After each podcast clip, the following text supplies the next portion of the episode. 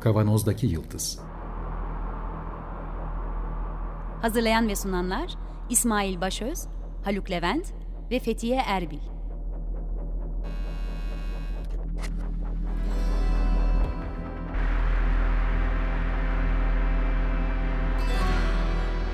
Bugünün penceresinden geleceğin ayak izleri. Merhabalar, Açık Radyo'dayız. 95.0 Kavanoz'daki Yıldız programında sizlerle beraberiz. Geleceğin ayak izlerini sürmeye devam ediyoruz. Birkaç hafta önce başladığımız kişiselleştirilmiş tıp ya da hassas tıp, tıbbın bir boyutu, daha doğrusu yeni gelişmekte olan e, ve kişiye özel tanı ve tedavilere yoğunlaşan bir alanda yine bugün sohbetimiz devam edecek. Bugün bir konuğumuz var. Doktor Ayşegül Uludağ. Hoş geldiniz. Hoş bulduk. Hoş bulduk. Haluk burada. Merhaba. Ben de İsmail. Doktor Ayşegül Uludağ'la kişiselleştirilmiş tıp alanında klinik uygulamaları bugün biraz daha örnekleriyle e, konuşmaya çalışacağız. Önce kısaca bir kendinizi tanıtırsanız Tabii ki. Herkese tekrar merhabalar. Ben e, Ayşegül Uludağ. E, yaklaşık 20 yıldır hekimlik yapıyorum. Aile hekim uzmanıyım. Uzmanlığı da 2003-2008 yılları arasında aldım. Fakülteyi bitirir bitirmez aldım. O yüzden böyle ciddi anlamda klinik e, açıdan da doydum diyebilirim. 5 senede bitirerek uzmanlığı. 2018 yılından beridir de bu biraz önce sizin de bahsettiğiniz kişiselleştirilmiş tıpla ilgileniyorum. Hı hı. E, klinikte hasta bakıyorum bu konuyla ilgili. Tabii biraz daha farklı boyutları var bu işin. Açıkçası asıl iyi ki hekim olmuşum dediğim an benim e, bununla tanışmam oldu. Çünkü gerçekten de yaptığımız değişimlerin insanlar üzerinde etkilerini gördüğünüz zaman ya da var olan şeyleri direkt temas edebildiğiniz zaman ne kadar farklı bir yerde olduğunuzu hissediyorsunuz hekim olarak. Ee, karşınızdaki insan da kendini daha güvende ve daha e, iyi hissediyor. Biz hep bilimlerden bahsediyoruz. Yani bilimsel gerçeklerden bahsediyoruz kişiselleştirilmiş tıpta. O yüzden o da benim içimi çok rahatlatıyor. Evet. Bunun çünkü, altını çizmek gerekiyor evet. gerçekten. Ee, bu bir... Yani eğitim hayatımız boyunca benim bir akademik geçmişim de oldu. Bu geçmiş boyunca da gerçekten hep bilim, hep çalışma, hep literatür, yani bize bilim neyi aksettiriyorsa o yönde gitmek ve bu yolu benimsemek hep rahatlattı. O yüzden de farklı alanlara gitmeyi ya da şu anda popüler yönde olan bir camiada ya da alanda olmayı istemedim açıkçası. E, bu beni e, besliyor. Ben böyle nitelendiriyorum kendimi. E, bu deryanın denizin içine daldığım zaman bundan besleniyorum ben. Kendimi gerçekten iyi hissediyorum. Evet yani bugün konuştuğumuz şey alternatif tıp ya da vesaire değil yani. Değil, yani bir kesinlikle var. değil. Zaten geçtiğimiz programlarda da işte genetik e, tabanlı çalışmalar, ilaç tabanlı çalışmalar olduğunu söyledik. Daha o konularda henüz e, program yapmadık. Biyokimyası da, genetiği de bir sürü alanında içeren bilimsel çalışmaların aslında bir araya getirilmesiyle oluşan ama bireye yönelik çalışan bir alandan bahsediyoruz. Öyle değil evet, mi? Evet, aynen öyle. Aynen öyle. Heyecanlandıran kısmı da o zaten açıkçası. Kişiselleştirilmiş tıpta. Biz bu genetik danışmanlığı da genetik uzmanıyla birlikte veriyorum. Yani ben bir klinisyenim. Yanımda bir genetik uzmanı oluyor. O genetik uzmanı özellikle mutasyon ve hastalığa yol açan hastalıklar hakkında öncelikle bir bilgilendiriyor kişiyi. Hı hı. Ve ben de özellikle benim bu yaşam tarzı çevresel koşullarla üzerine eklenerek hastalık olabilecek hastalık yatkınlıkları konusunda onları destekliyorum ve yaşam tarzlarını anlatıyorum ne yapmaları gerektiğiyle ilgili. Biz bir genetik e, datayı alıyoruz ve yaklaşık olarak 25 bin gen var. Bizim baktığımız metotta 23 binini diziliyoruz. Dizilemekten bahsederken bunları sayfa sayfa A, T, C, G kodonları var biliyorsunuz. Nükleotitleri var biliyorsunuz. Bu sayfalara bunu yazıyoruz ve burada farklılıklara teker teker bakıyoruz. Ee, bu farklılıklar bizi biz yapıyor aslında. Yani siz daha önceki programlarda genetikte hastalık potansiyeli olan yapıları tartıştınız ama kişiselleştirilmiş tıp hepsini içeriyor. Hem hastalığı içeriyor hem de bu bizi biz yapan işte saçımızın rengi, kaşımızın kalınlığı, saçımızın e, rengi, dokusu, inceliği, Fenotip e, diyorduk değil mi bunlara da? Aynen. Fenotip aynen. Fenotipimizi e, tamamen belirliyor. Şimdi dış görünüş fenotip. İçimize de bakıyoruz biz genotip olarak. Yani biyokimyasal süreçlerin nasıl işlediğiyle ilgili yargılara varıyoruz. Bu bizim 23 bin geni dizileyerek baktığımız şey bu aslında bu. Farklılıklar var hepimizde çünkü doğa çok farklı davranıyor. Hepimiz aynı değiliz. Dizilimlerimiz fark ediyor. Ben hastalık bazının dışındakinden bahsediyorum. Siz evet. ikiz kardeşler arasında bile farklılıklar görebiliyorsunuz. İnsanlar farklı olabiliyor. Farklı oluyor zaten. Aynı anne babaya ait bir sürü çocuk farklı özellikler taşıyor. İçinizdeki biyokimyasal aktiviteler de anneniz ve babanızınkiyle ilgili aynı değil. Kardeşinizinkiyle de aynı değil. Aynı dış görünüşünüz gibi. Hı hı. Farklı. Ben aslında kişiselleştirilmiş tıpı daha çok bir vaka üzerinden anlatayım isterseniz. Hadi öyle gidelim. Biraz ona girelim isterseniz. Nedir ne değildir. Ondan sonra da gerçekten yaptığımız çalışmayla benim e, klinikte gördüğüm vakaları hani ilginç hı hı. bulduğum birkaç kişiyi sizinle paylaşmak isterim ki insanlar biraz daha algılasın. E, tıp camiasından bir arkadaşım genetik test yaptırmak istediğini söyledi. Hı hı. E, biz onunla zaten hep bir muhabbet ve e, bir işbirliği içindeydik ve bu işlerin nasıl süre geldiğini bilen bir arkadaşımdı. Aile öyküsünü biliyorum. Kendisinin alışkanlıklarını, nasıl bir çevrede büyüdüğünü, nasıl yaşadığını biliyorum.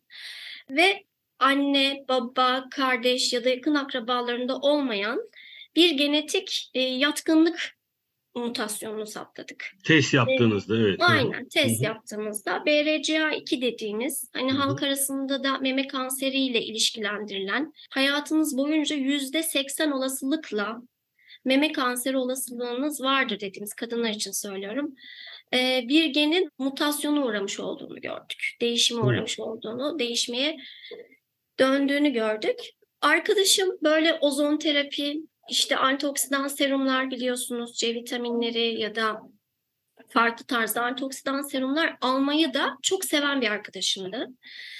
Bunları da çok deniyordu. Aynı zamanda yapısal olarak da sadece BRCA2 değil, hani metilasyon dediğimiz bizim detoks mekanizmasında da çok görevi olan bir genin gen grubunda da defeklerin olduğunu, defek demeyelim ama yavaş çalışmaya bağlı desteklenmesi gerektiğini de gördük.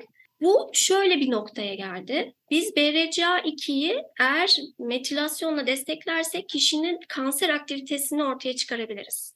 Yani pusuda sessiz duran bir canavarı uyarmak Peki, gibi. Peki programda önce konuştuğumuz için ben de ekleyerek gireyim. Hı hı. Ozon tedavisinin buna yol açabileceğini e, evet. konuşmuştuk. Eğer ozon tedavisi e, denen tedavi uygulanırsa burada bu vakaya özel bir komplikasyon olma ihtimalinden bahsettik. Aynen öyle. Bu ozon tedavisi ne? Duyuyorum da paramedikal bir şeye benziyor. Ya ben e, ben şöyle söyleyebilir miyim? E, vücuda bir şekilde ozonun vücuda verilmesiyle ilgili bir şey ama yine programdan önce konuştuğumuz için çok üstünde biz bunu konuşmayacağız e, herhalde. Değil mi doktor hanım? E, Yok bunu konuşmayacağım. Şey? Sadece şey? adını verip geçeceğim. Tamam. Çünkü e, çok fazla dayanağı olduğuna dair bizde bilgi yok. En azından bizde bilgi yok. Ee, Klinik çalışma yok, bir şey yok falan filan yok, değil mi? Vardır en azından bizde yok diyelim. Öyle kapatalım, tartışmayı kapatalım en azından şimdilik. Öyle görünüyor. Yani çok anlamlı bir şey görünmüyor. Açıkçası hani çok riske girilebilecek bir yol da değil. Hani daha farklı yöntemler varken buna girmek biraz anlamsız. Yani sonuçta toparlarsak bu e, uyguladığı tedavinin e, bu geni bu vakaya özel nedir o e, aktive, aktive edebileceği yani kansere yol açabilecek şekilde gene müdahale edebileceğini düşündünüz. Evet. Aynen öyle. E, o yüzden de ozon uygulamaları ya da bu antioksidan serum uygulamalarını sonlandırmasını istedik. E, aynı şekilde kişinin var olan başka bir geni, genindeki bir değişim, e, fito dediğimiz bir gen. Bu değişimle de kişinin obez olması yani vücudundaki yağ kitlesinin artışının da kansere olan meylinin arttıracağını belirledik. Hmm. Böyle olunca kişinin yavaş yavaş zaten yaşam tarzı ve buna bağlı olarak da kendiyle ilgili alması önlemler, alması gereken önlemler zaten ortaya çıkmıştı. Yani kişinin kesinlikle sadece zayıf değil, kas kitlesini de arttıracak bir beslenmeyi ve egzersiz programına girmesi gerektiği gibi. Şimdi peş peşe iki şey söyleyeceğim. Birincisi e, mesela 10 sene önce bu detayda tespit edebiliyor muyduk ya da bu bağlantıları kurabiliyor muyduk? E, camiasında. Evet çok güzel bir soru. Açıkçası bunlar 10 sene önce yoktu İsmail Bey. Hı hı. Yani ya da biz bilmiyorduk. Ben bu işe 2018'de dedim ya içine girdim.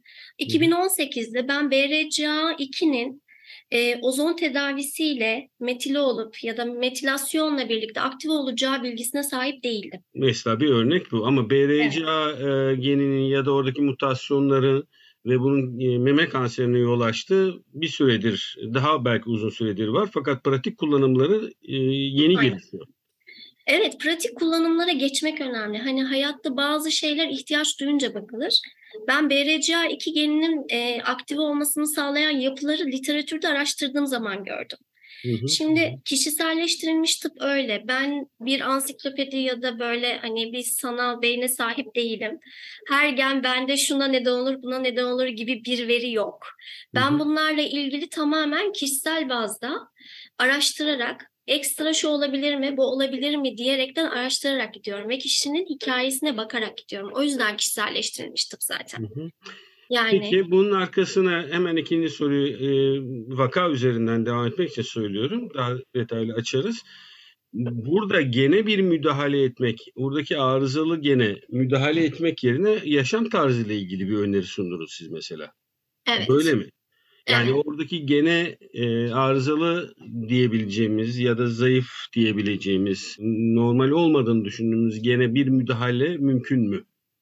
Aslında çok güzel bir soru. Yani bununla ilgili uğraşılar devam ediyor. Var olan genin bu defektinin kaldırılması için bazı makas gen çalışmaları da yapılıyor.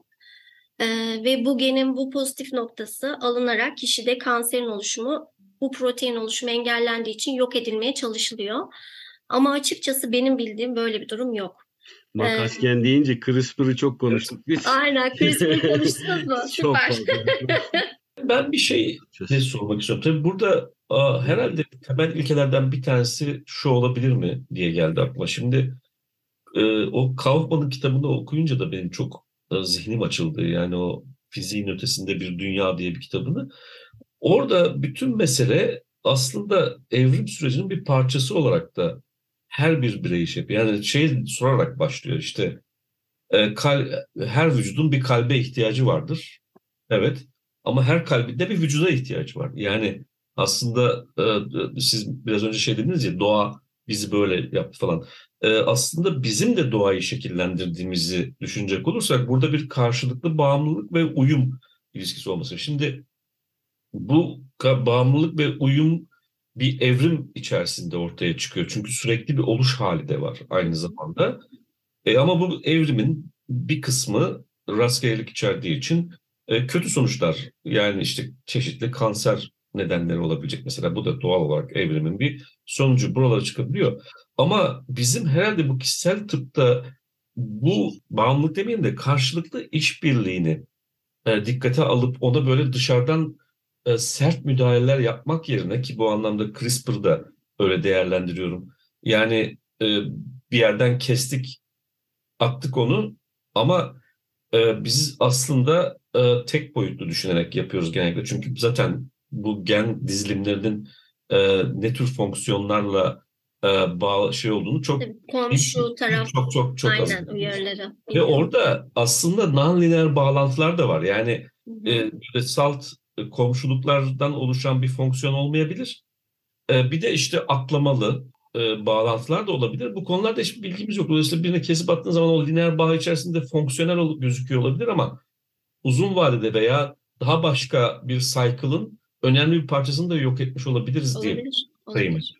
Dolayısıyla burada böyle radikal müdahalelerden önce hep o sizin dediğiniz gibi işte hayat tarzını değiştirin falan. Hani o akışı e, yoldan çıkartmayı engelleyecek, o akışın daha sağlıklı bir şekilde çevreyle de uyumlu bir şekilde tabii doğal olarak devam etmesini sağlayacak müdahaleler bana sanki daha sıcak geliyor. Yani e, dedikleriniz doğru. Her iyi şeyin aynı zamanda bir kötü tarafının olduğunu da biliyoruz zaten. Hani bunu da tanımlamaya başladılar özellikle tıpta.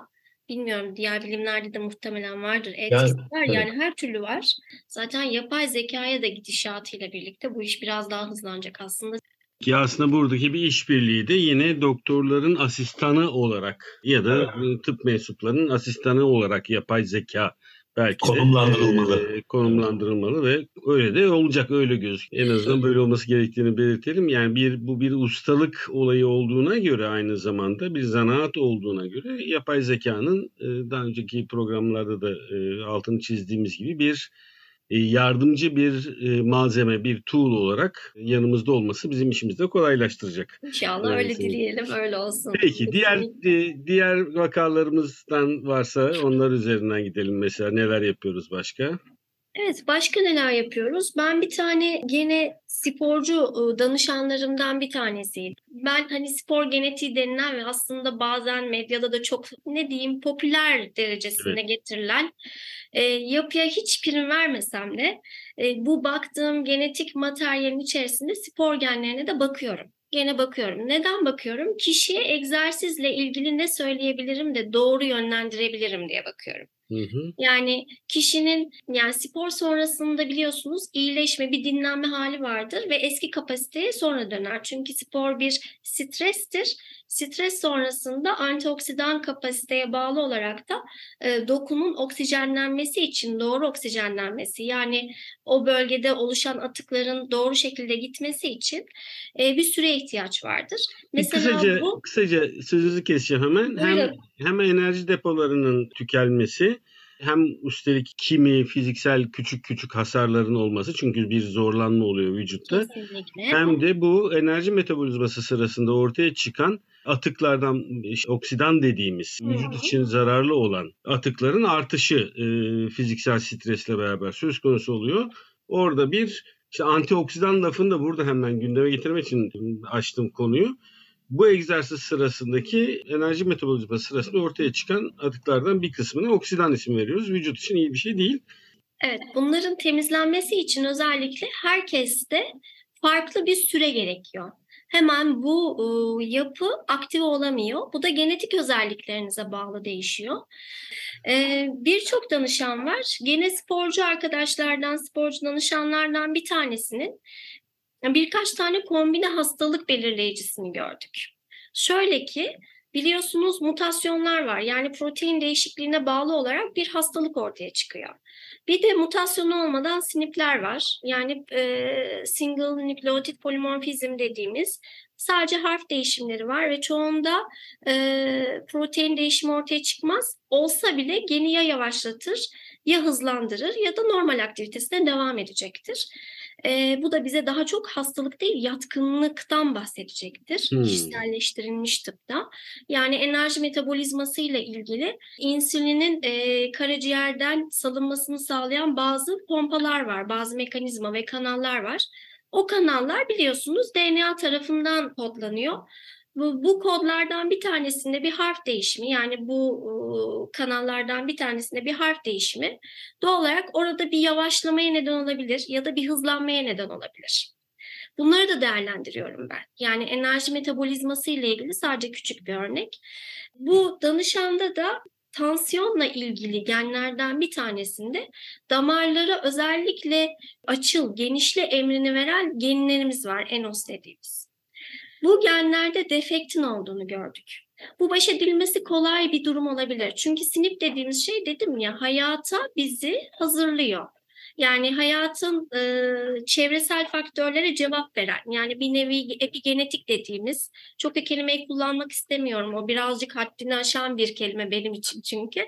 Ama e, ben biliyorum ki hani bazı yiyecekleri yerse ben onu desteklersem, bazı şeyleri doğru yaparsa bu e, genişle dediğin genin büzüşmediğini ve genişleyebildiğini bilebiliyorum. Bunu ona söyleyebiliyorum. Bu fonksiyonunu değiştirebiliyor çevresel faktörle, yaşam tarzıyla tekrar söyleyelim. Damar rahatlıkla genişlemediği zaman işte tansiyon, hipertansiyon problemlerinin olabileceğinden bahsediyoruz değil mi? Bu Aynen öyle. Bu sadece bir tanesi diye düşünün. Yani büzüşmesine bağlı eliniz soğuk olur, ayaklarınız soğuk Hı, olur. Hani böyle de düşünebilirsiniz ayrıca. Bu biraz daha hani kafada yatsın diye tansiyon yüksekliğine neden olabilir.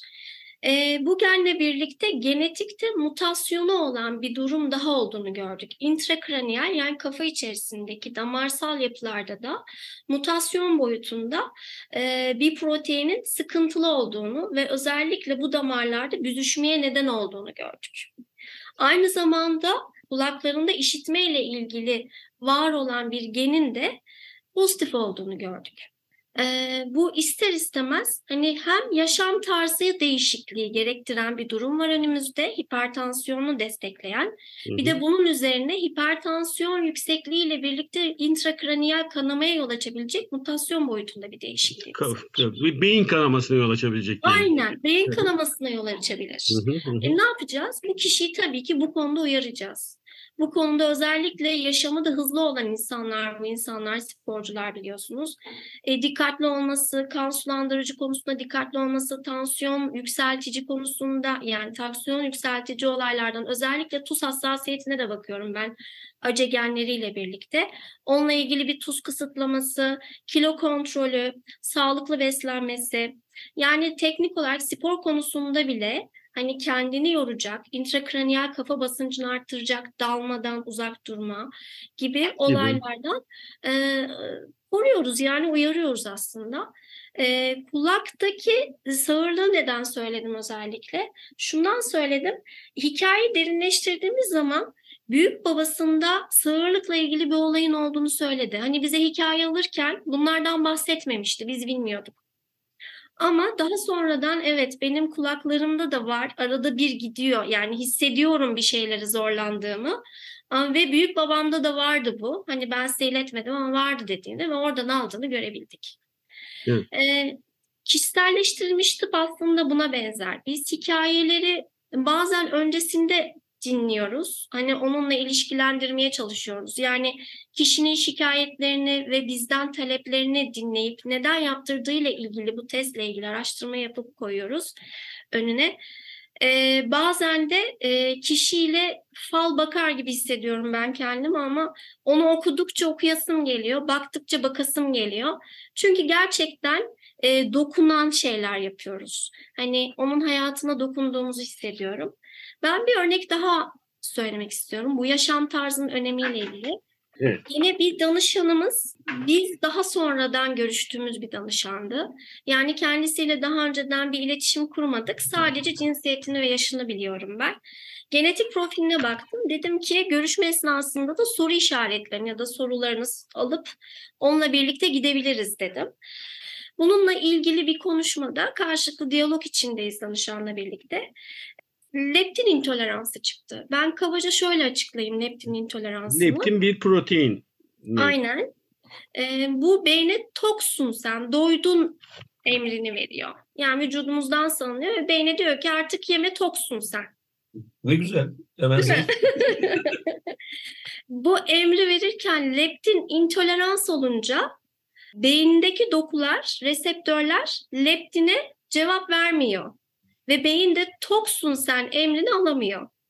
Evet. Ama karşımızdaki danışan zayıf. Uymuyor. Ah. Tabii uymuyor. Zaten bunu talep eden e, doktor arkadaş da çok şaşkın. Çok zayıf o diyor. Ama diyorum böyle. Yani bu çıktı ve bu mutasyon boyutunda bir değişim. E, biz karşılıklıyız. Biz anlattık. Dedi ki böylesiniz. Ama dedi bu gerçek. Nasıl gerçek dedik? Ben hayatımda hiç doymadım ki dedi. Biz böyle birbirimize baktık. Annem dedi güzellik kraliçesiydi. Ben hayatım boyunca hani hani sofradan doymadan kalkmam öğretildi. Ya bu bir aslında bir çeşit eğitim olmuş. Öğretilmiş yani, çaresizlik diyoruz biz buna. Yalnız ya ilginç ben... tabii e, şöyle bir durum var. E, gerçekten bir şekilde bir eğitimin gücünü de e, bir şekilde eğitim derken hani akademik eğitimden bahsetmiyoruz. Kültürel bir eğitimin gücünü de gösteriyor insan bedeni hakkındaki etkisini de görmüş oluyoruz bu şeyden. Benim çıkarımım bu oldu. Yani gerçekten ben şuna şok oldum. İnsan hiç beklemediği anda genetiğine uygun bir davranışla genetiğinin ortaya çıkmasını engellemiş. Kompanse etmiş yani. Tabii kompanse etmiş aslında. Yani e, çok ilginç bir yapıydı benim için. Çünkü bu mutasyon değişimiydi. Hani bu hastalık yatkınlığı değildi, bu vardı. Bir hastalık diye tanımlanabilecek bir şey. Evet, hastalık olarak tanımlanabilecek bir şeydi. E, o yüzden de gerçekten de bizi şoka eden bir değişim ve bir görüşme olmuştu. Güzeldi, güzel bir deneyimdi. Sonuç itibariyle bir genetik uzmanıyla beraber çalışıyorsunuz. Bir klinisyen olarak birlikte yapılabilecek şeyleri şu anda daha çok yaşamların düzenlenmesi şeklinde bir değil mi? Daha ağırlıklı olarak bunu yapıyoruz. Evet, Ama evet. bu ayağını ben hiç düşünmemiştim gerçekten. Yani buradaki kişiye özel bulguları toparlayıp o kişiye en uygun, o bedene en Özgün. uygun, en özgün e, yolları bulup bu tavsiyelerde bulunuyoruz. Şu anda Evet. sizin klinisyen olarak yaptığınız şeyi kabaca böyle söyleyebiliyoruz yani. Kabaca böyle diyebiliriz. Ee, peki. Çok teşekkür ediyoruz. Aydınlattınız bizi gerçekten. Biz bir kişiselleştirilmiş tıp diye konuşuyorduk. Yukarıdan ne bileyim teorik olarak neler olup bittiğini konuşuyor idik. Şimdi bu bilgilerle bu seriyi biraz daha hem klinik hem günlük hayata doğru indirmiş olduk. Ağzınıza sağlık, aklınıza sağlık. Çok teşekkür ediyoruz bizimle Evet, beraber. Ben teşekkür için. ederim. Gerçekten çok mutlu oldum. Tanıştığımıza ve böyle bir program yaptığımıza. İnşallah bir daha bir arada oluruz. Ha, memnuniyetle her zaman. Peki Doktor Ayşegül Uludağ'la beraberdik. Kişiselleştirilmiş tıp e, konusunda genetik uzmanlarıyla beraber çalışıp ama laboratuvardan kliniğe taşıyan e, daha çok e, bir hekim arkadaşımız e, deneyimlerini paylaştı bizimle. E, bu programın size ulaşmasını sağlayan bütün Açık Radyo çalışan arkadaşlarımıza çok teşekkür ediyoruz. Program destekçimize çok teşekkür ediyoruz. Önümüzdeki hafta tekrar görüşmek üzere. Hoşçakalın. Hoşçakalın. Hoşçakalın.